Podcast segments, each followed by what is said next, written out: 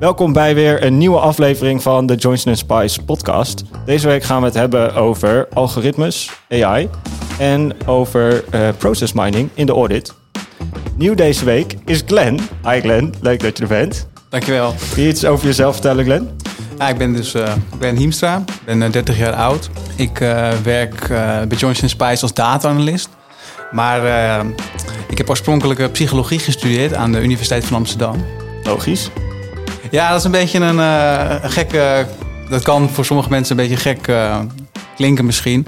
Maar gedurende de opleiding psychologie krijg je eigenlijk veel ja, statistiek en veel data-analyse dus ook. En ik vond eigenlijk de statistiek veel interessanter dan de psychologie zelf. Dus toen dacht ik van na, mijn, na mijn studie van laat ik eens gaan werken bij, ja, als data-analyst. En zodoende ben ik hier terechtgekomen. En wat ik met name in de praktijk doe is eigenlijk het ondersteunen van accountants bij het uitvoeren van financiële analyses. En uh, het ook ontwikkelen van methodes om bijvoorbeeld fraude uh, te kunnen opsporen of uh, fouten te kunnen voorkomen. Top, leuk dat je erbij wil zijn deze week. Dat wordt helemaal in jouw straatje, denk ik. En ook weer terug is Lauren. Hi Lauren. Yes, hi. Wat fijn dat ik er weer bij mocht zijn. Dat wilde ik net zeggen. Leuk dat je er weer bent. Nou, laten we eigenlijk maar meteen van start gaan dan. We willen het dus hebben over AI. En um, ja, misschien goed om dan eerst een beetje te kaderen. Wat bedoelen wij dan vandaag met AI?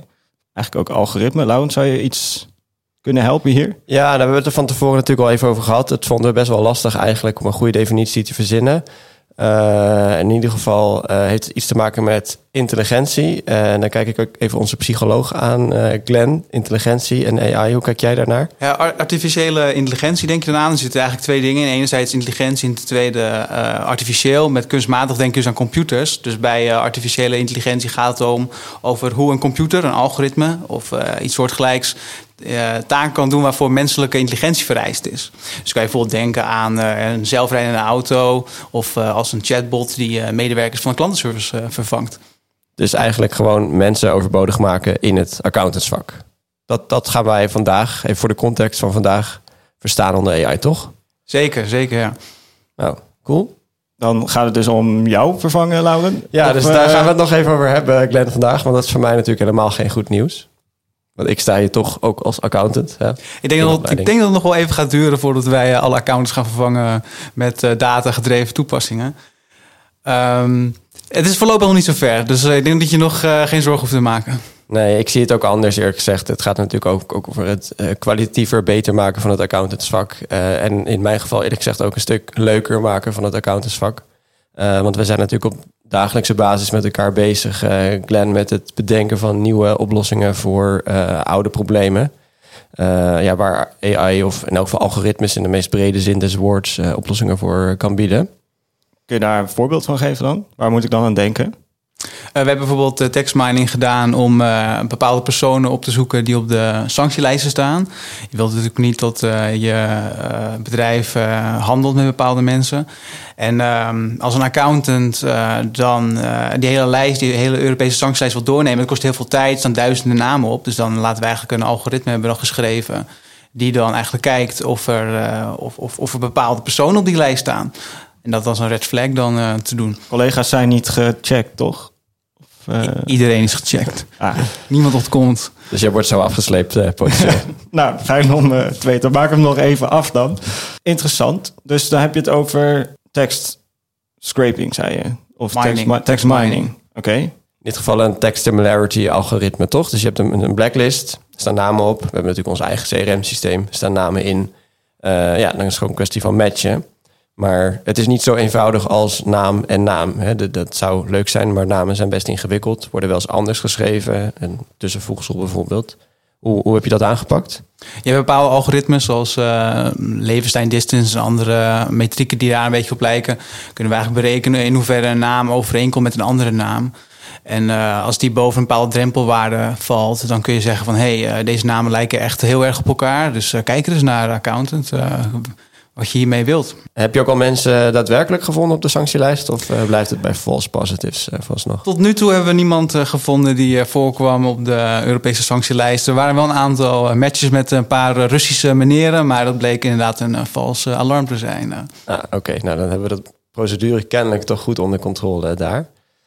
Uh, zijn er ook nog voorbeelden vanuit de jaarrekencontrole misschien waar we bij stil kunnen staan? Iets financieel georiënteerd, uh, dat je een, een, algoritme kan... Andere algoritme dan, anders dan... Uh, ja, ja denk, bijvoorbeeld aan, ja. denk bijvoorbeeld aan outlier-identificatie. Soms dan zitten er hele gekke transacties tussen. Op, dan zie je bepaalde bedragen staan in journal entries... waarvan je denkt, hé, hey, dat is best wel apart. Dus dan hebben we eigenlijk algoritmes, machine learning modellen... die bezig zijn om deze outliers te detecteren.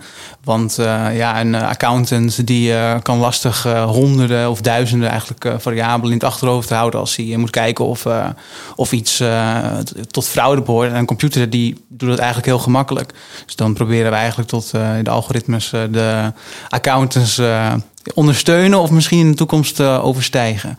En wat, wat is dan een outlier als je kijkt? Is het dan eigenlijk iets wat ik als accountant gewoon mijn, mijn GL-entries kan pakken, kan sorteren van groot naar klein en dan de bovenste drie? Of heb je nog een ander trucje? Nou, hoe het algoritme werkt, eh, dat is, uh, dat is best wel complex komt er eigenlijk op neer dat je data zoekt die atypisch zijn voor deze dataset. Dus als jij bijvoorbeeld eh, heel veel transacties hebt die inderdaad allemaal rond de 50 eh, euro zijn, zeg maar wat. Hè. Dat je één transactie hebt of één uh, transactie van een miljoen, dan zal snel uh, het algoritme zeggen van hé hey, kijk, dit is gegeven alle, alle beschikbare transacties. Dit is een best wel atypische vreemde... Het is ook nogal atypisch natuurlijk als alles 50 is en eentje een, een miljoen. Maar zijn er ook nog uh, slimmere varianten te noemen die, die, waarvan je denkt van want deze kan ik natuurlijk zelf in Excel vrij eenvoudig identificeren? Ja, als je zeg maar de twee, um, of als je één variabele hebt zoals nu, zoals de prijs, dan is het natuurlijk heel makkelijk om uh, gekken eruit te kiezen. Maar stel je voor dat jij duizenden variabelen hebt, dan is het best wel lastig voor ons brein eigenlijk om uh, dan daar de outliers te kiezen. Je kan hooguit een paar variabelen kun je meenemen. Of als je echt goed bent, uh, tot tien. Maar ja, ga je dat, ga dat maar eens doen met duizend variabelen. En uh, de computer is daar natuurlijk veel beter in dan wij ooit kunnen zijn. Ja, dus, dus de, het verschil zit hem erin dat ik misschien op bedrag zelf wel wat verschillen kan vinden. Dat ik zeg, nou die is hoger of lager dan het gemiddelde, een normale transactie. Maar dat je eigenlijk zegt, laten we ook eens de relatie toevoegen. Of laten we ook eens kijken naar het dagboek of naar andere informatie. En dat je op basis daarvan eigenlijk outliers gaat vinden die ik zelf eigenlijk nooit had gevonden op basis van het bedrag alleen. Ja, precies. Uh, zoals, dat is uh, precies hoe, het, uh, zoals, hoe we het willen dat het is. En wordt dit ook gebruikt bij ons nu? Hoe, kan je daar iets over vertellen? in, de, in de praktijk is het zo dat als een accountant zijn data wil laten testen op eh, outliers, dan uh, gaat hij naar het datateam toe en dan vraagt hij aan het datateam van hey, uh, jij hebt allemaal hele mooie algoritmes die je over mijn data kan gooien. Uh, kan jij mij daarbij helpen? Kan jij mij de uitkomst daarvan laten zien? En dan gaan we aan de slag en dan leveren we met hem een lijst van resultaten op die we dan samen kunnen doornemen. Heb je die data bij alle klanten bijvoorbeeld? Bij alle klanten zouden we dat kunnen doen. Maar Lauren, volgens mij doen jullie ook wel ietsje meer dan alleen maar kijken, is een transactie ook gek? Je vindt natuurlijk iets van de jaarrekeningposten als geheel. Ik ben wel benieuwd of er daar dan ook nog toepassingen mogelijk zijn. Want ja, zo'n fraude of outlier is dan eigenlijk een klein deel. Ja, er zijn eigenlijk heel veel verschillende vraagstukken die in de audit bij elkaar komen. Dus uh, fraude is tegenwoordig heel uh, populair als onderwerp, omdat je dat eigenlijk goed kan klassificeren of voorspellen of outliers kan gebruiken om frauderisico's te vinden. Uh, en het is natuurlijk ook een onderwerp waar wij meer over moeten gaan doen als accountants. Want in onze controleverklaringen moeten wij veel uitgebreider gaan rapporteren over welke werkzaamheden wij gedaan hebben aan fraude. Dus het voorbeeld van GlenNet is een mooi voorbeeld.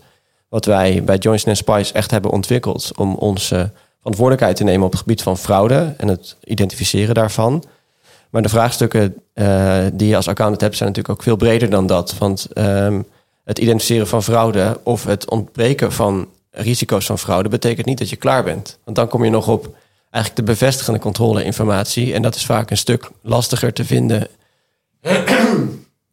dat is vaak een stuk lastiger te vinden in de data. Want hoe ga je vanuit, uh, neem een post als immateriële vaste activa... waar 5 miljoen op de balans staat...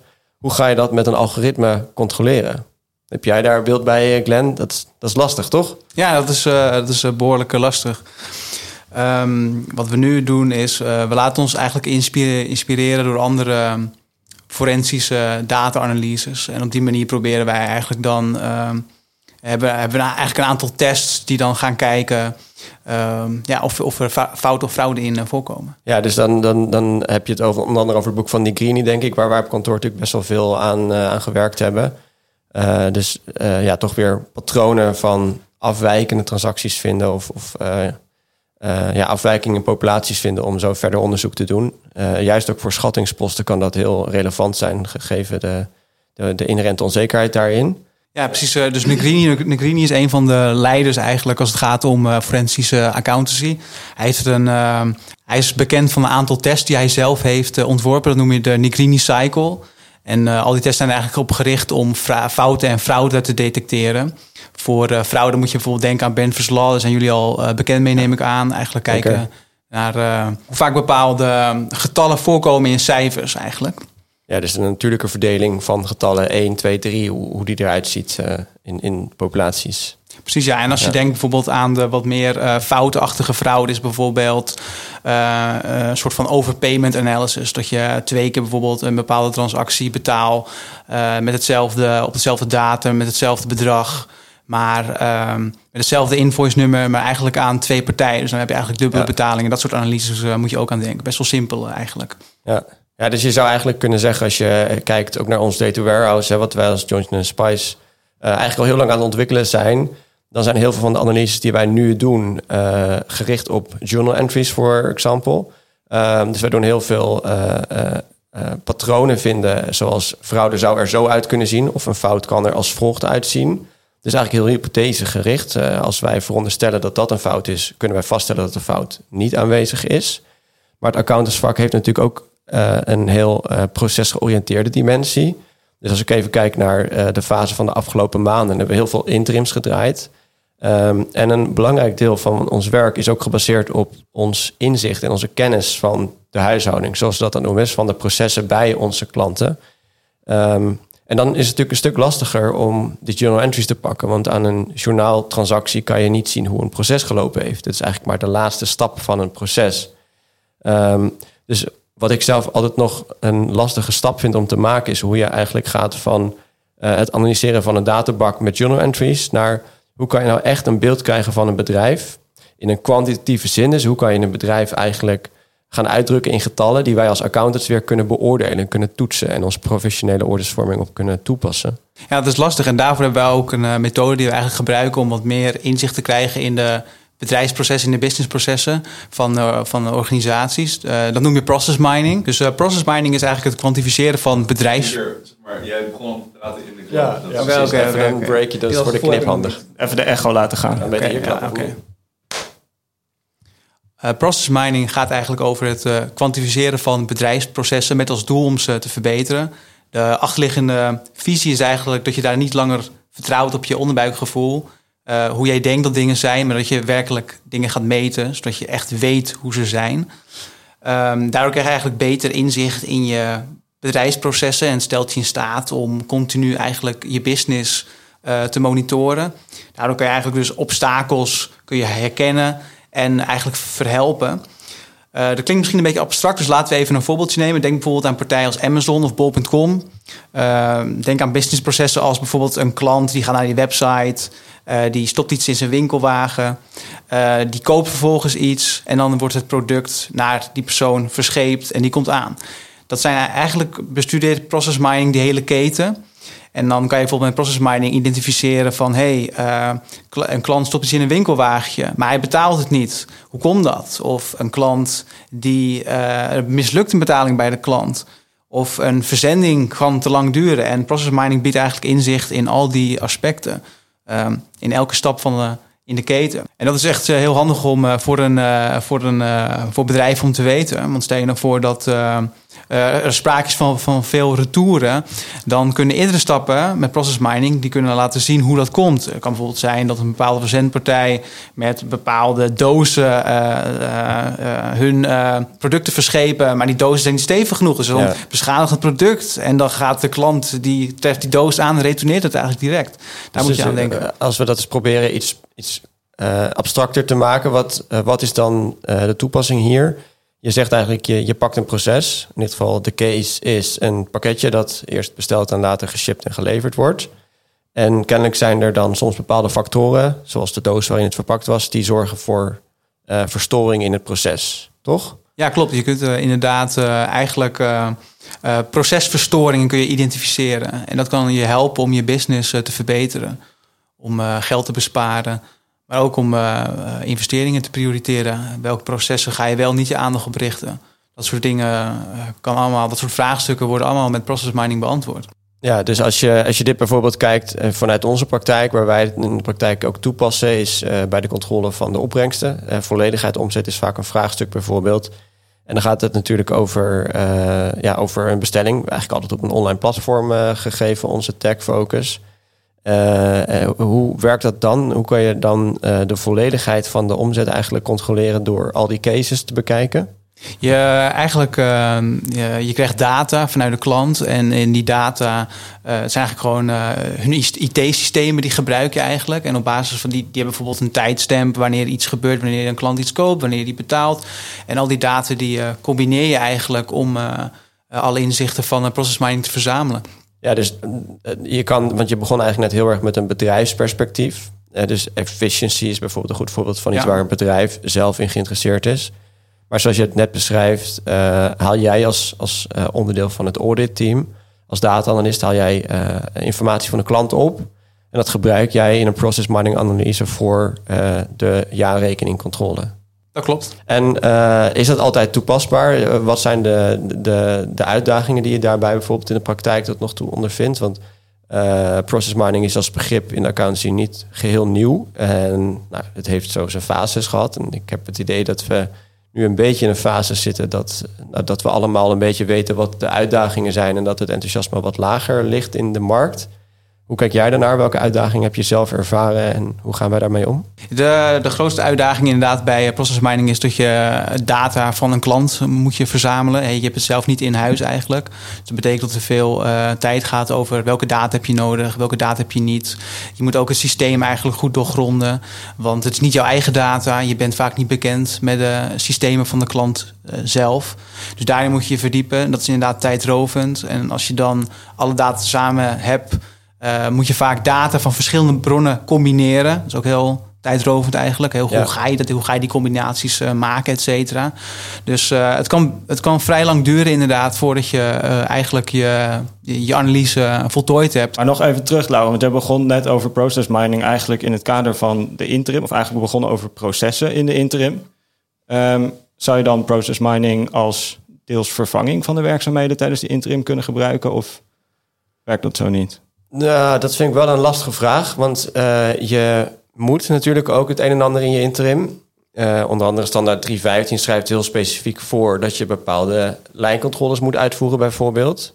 Maar even anders geformuleerd, eh, hebben wij ook met hulp van Glenn in de afgelopen maanden wel heel veel gezien. Dat als je een process mining analyse uitvoert ter ondersteuning van de interim, dan worden jouw gesprekken met de klant veel relevanter. Want dat verandert echt van zo gaat een order stap voor stap. En dan krijg je de happy flow van de klant te zien. Naar, eh, ja klant, de happy flow kennen wij nu wel. Maar we hebben ook gezien dat er die stroom is. En dat gebeurt ook wel eens. Zullen we het daar eens over hebben? En eh, dan ben je dus niet meer eh, het standaardwerk aan het vervangen. Maar dan ben je dus gewoon veel kwalitatiever aan het worden in hetzelfde werk wat je al deed. Je krijgt dus eigenlijk veel meer begrip in je organisatie. Absoluut, exact. Precies dat gevoel. Ja. Ja, precies. Dus dan gebruik je echt de process mining tools om de klant echt beter te begrijpen. Ga je dan dus in volgorde, ga je dan de klant eerst al vragen om de ideale flow te beschrijven? Of laat je die dan terugkomen uit zo'n analyse? Hoe Ja, moet ik dat we- voor me zien? Wat we eigenlijk eh, de afgelopen tijd een aantal keer gedaan hebben, is. eh, eh, het maakt natuurlijk uit of het een eerstejaarscontrole is of een bestaande klant. Eh, process mining is voor ons dit jaar heeft echt een boost gekregen. Dus we zijn het in veel meer controles eh, gaan toepassen. Maar eh, laten we een eerstejaarscontrole nemen. Wat we dan vaak doen, is dat we eerst eh één of twee calls of interviews hebben met iemand die echt de processen goed kent. En wij gebruiken het heel vaak in, eh, in de, de geautomatiseerde technische processen, want je hebt natuurlijk die, die loggingdata nodig. Uh, dus dat betekent dat je met bijvoorbeeld een product owner zit, iemand die, die verantwoordelijk is voor het ontwikkelen van een stukje van het platform. En die vertelt ons dan hoe het proces eruit zou moeten zien. Met zijn of haar hulp halen wij informatie op. En uh, die informatie gaan wij in onze process mining tooling verwerken. En dan, zeg een maand later, komt de interim. En dan komen wij met onze scherpe vragen. En kunnen wij daardoor tijdens die interim, tijdens het bespreken van de processen, veel scherper en veel kritischer inzoomen op de echte problemen. En krijg je dus ook hele leuke, waardevolle gesprekken met een klant die denkt: oké, er zit hier niet een accountant die eventjes snel zijn dossier komt vullen. Maar hij komt hier echt om mij kritisch te bejegenen, om mij echt te helpen in hoe ik naar mijn processen kijk en hoe ik in beheersing ben van mijn verantwoordelijkheden in deze organisatie. En dan kom je eigenlijk ook op een stukje, ja, wat is dan die process mining misschien ook wel waard voor de klant in plaats van alleen maar voor onze. Absoluut, ja. Want wat ik ook dan zie als je kijkt naar onze management letters, uh, die zijn dit jaar ook uh, gegroeid in aantallen. Simpelweg omdat wij veel beter zijn gaan zien waar eigenlijk de echte problemen zaten in de processen. Want de klant weet ook wel wat er goed gaat, uh, maar waar het niet goed gaat, weet de klant vaak heel moeilijk wat daar de oorzaken van zijn. Dat zien ze dan een beetje als ja, uitval. Ik weet niet precies wat daar gebeurt. Het gaat dan naar customer support en dan lossen zij het op. Ja, dat, kan, dat kunnen wij beter. Uh, daar kunnen we veel meer inzicht in verkrijgen. Maar betekent dat dan, Glenn, dat jij ook bij de klant langs gaat? Of mee kon praten, kon presenteren, dit is wat mijn uh, analyse gevonden heeft? Of dan, gaat het altijd via het auditteam? Nee, nee. Als data-analyst dan uh, sluit je wel degelijk aan bij uh, het auditteam zelf. Jij hebt de analyse uitgevoerd, je weet daar het meeste van. Uh, dus je gaat ook naar de klant toe. Je stelt vragen als: hey, ik heb dit gevonden. zoveel procent. De, de, happy flow is zoveel procent. Kun je daarin vinden? zie je fouten in, in de analyse? En nogmaals, je bent een buitenstaander. Je bent niet je bent niet zo bekend als de klant zelf is uh, bekend is met hun eigen systemen. Dus je hebt wel degelijk eigenlijk input nodig van de klant om jouw eigen analyse te valideren en om uh, fouten te vinden. Maar presenteer dat dan daarna ook weer terug aan de klant? Of is het dan meer alleen de findings gaan dan terug? We hebben ook een uh, dashboard hebben we. En in het dashboard uh, kun je eigenlijk uh, ontzettend veel mee staan. Allerlei visualisaties kun je eruit halen. Allerlei filters kun je doen. Root cause analysis, machine learning modellen kun je er overheen gooien. Echt, mogelijkheden zijn echt zeer verrijkend. En recent hebben we dat ook samen gedaan. Hè? Glenn bij een klant. Want jouw vraag, Gerke, was ook... presenteer je dat terug? Niet alleen een, een uitkomend model... Maar voor ons is in het proces ook heel belangrijk dat wij ook samen kunnen werken met de klant. Dus dat als wij, Glenn komt dan met hele mooie inzichten. Uh, en dan is de vraag voor ons natuurlijk van ja, is dit een fluke of klopt dit? Bestaat dit echt? Dus wat is dan voor ons heel belangrijk? Dat wij die interactie met de klant hebben. En dat wij aan de klant laten zien van ja, we zien hier iets raars in jouw proces. We hebben het vermoeden dat het daarmee te maken heeft. En die klant die is dan natuurlijk geïnteresseerd. En dat is een gesprek dat eigenlijk aan twee kanten heel waardevol is. Want wij leren daar dat wij een goede aanpak aan het bouwen zijn en dat dit de goede kant op gaat. En de klant die leert daar iets over zijn processen en die kan daar uh, mogelijk zelf ook weer dingen mee verbeteren. Vaak worden dingen ook gekwantificeerd die de klant zelf niet gekwantificeerd heeft, omdat het gewoon ja, te lastig is om te kwantificeren of omdat het verspreid is over allerlei IT-systemen. Dus dan uh, bieden we eigenlijk inzichten die uh, de klant, ja, die totaal nieuw zijn voor de klant. Is, is het iets waarvan je bij klanten ook merkt dat zij die technologie al uh, kenden? Of is het iets wat voor hun ook nieuw is? Nee, de klanten zijn eigenlijk uh, vrij onbekend met uh, process mining. Maar ik denk dat daar in de toekomst wel verandering gaat komen. Ja, zou je dan voorstellen dat we in de toekomst misschien eigenlijk naar klanten toe gaan en aan hen vragen om ons process mining overzicht te geven, Lauwen? Ja, ik denk dat we de verantwoordelijkheden hier uh, wel gaan laten verschuiven. Dat is hoe dat eigenlijk altijd gaat met accountancy. Want je bent natuurlijk een uh, een externe accountant. Dus jouw verantwoordelijkheid is eigenlijk naar de organisatie te kijken en te vinden waar zij zelf in beheersing zijn. En wat wij eigenlijk heel vaak doen als accountants is wij zeggen daar moet je beter op letten, dat moet je beter doen. En met process mining zien wij nu dat wij de logfiles bouwen, wij de dashboards maken, wij de inzichten presenteren en vervolgens onze controleconclusies trekken. En eigenlijk zou ik graag willen zien dat wij dit aan de klanten kunnen gaan teruggeven, dat zij daar zelf mee aan de slag gaan, zelf kwantitatief in beheersing zijn van processen. En dat zij dus tijdens de volgende interim aan ons vertellen: kijk eens, voor 95% is mijn happy flow van toepassing. Hebben wij functiescheiding? Zijn wij in beheersing? En die 5%, daar gaan we het nog even over hebben met elkaar. Uh, dat zou natuurlijk de dream zijn. Ja, precies. Dan kom je niet alleen een klant controleren, maar dan help je ze echt verder om uh, ja, als organisatie te groeien eigenlijk. Ja, en voor ons zit daar natuurlijk ook een efficiëntieslag in. Als de klant zelf uh, die, die analyse kan doen en aan ons kan aantonen wat hij gedaan heeft uh, scheelt ons ook weer uh, tijd. Super, interessant. Fijn dat jullie uh, erbij waren. Ik ga hem hier eindigen voor deze keer. bedankt Glenn, leuk dat je er was. Hoe vond je het zelf? Ja, het was echt ontzettend leuk om te doen en ik kijk uit naar de volgende keer. Nou, fijn dat je luistert en tot de volgende keer. Tot de volgende.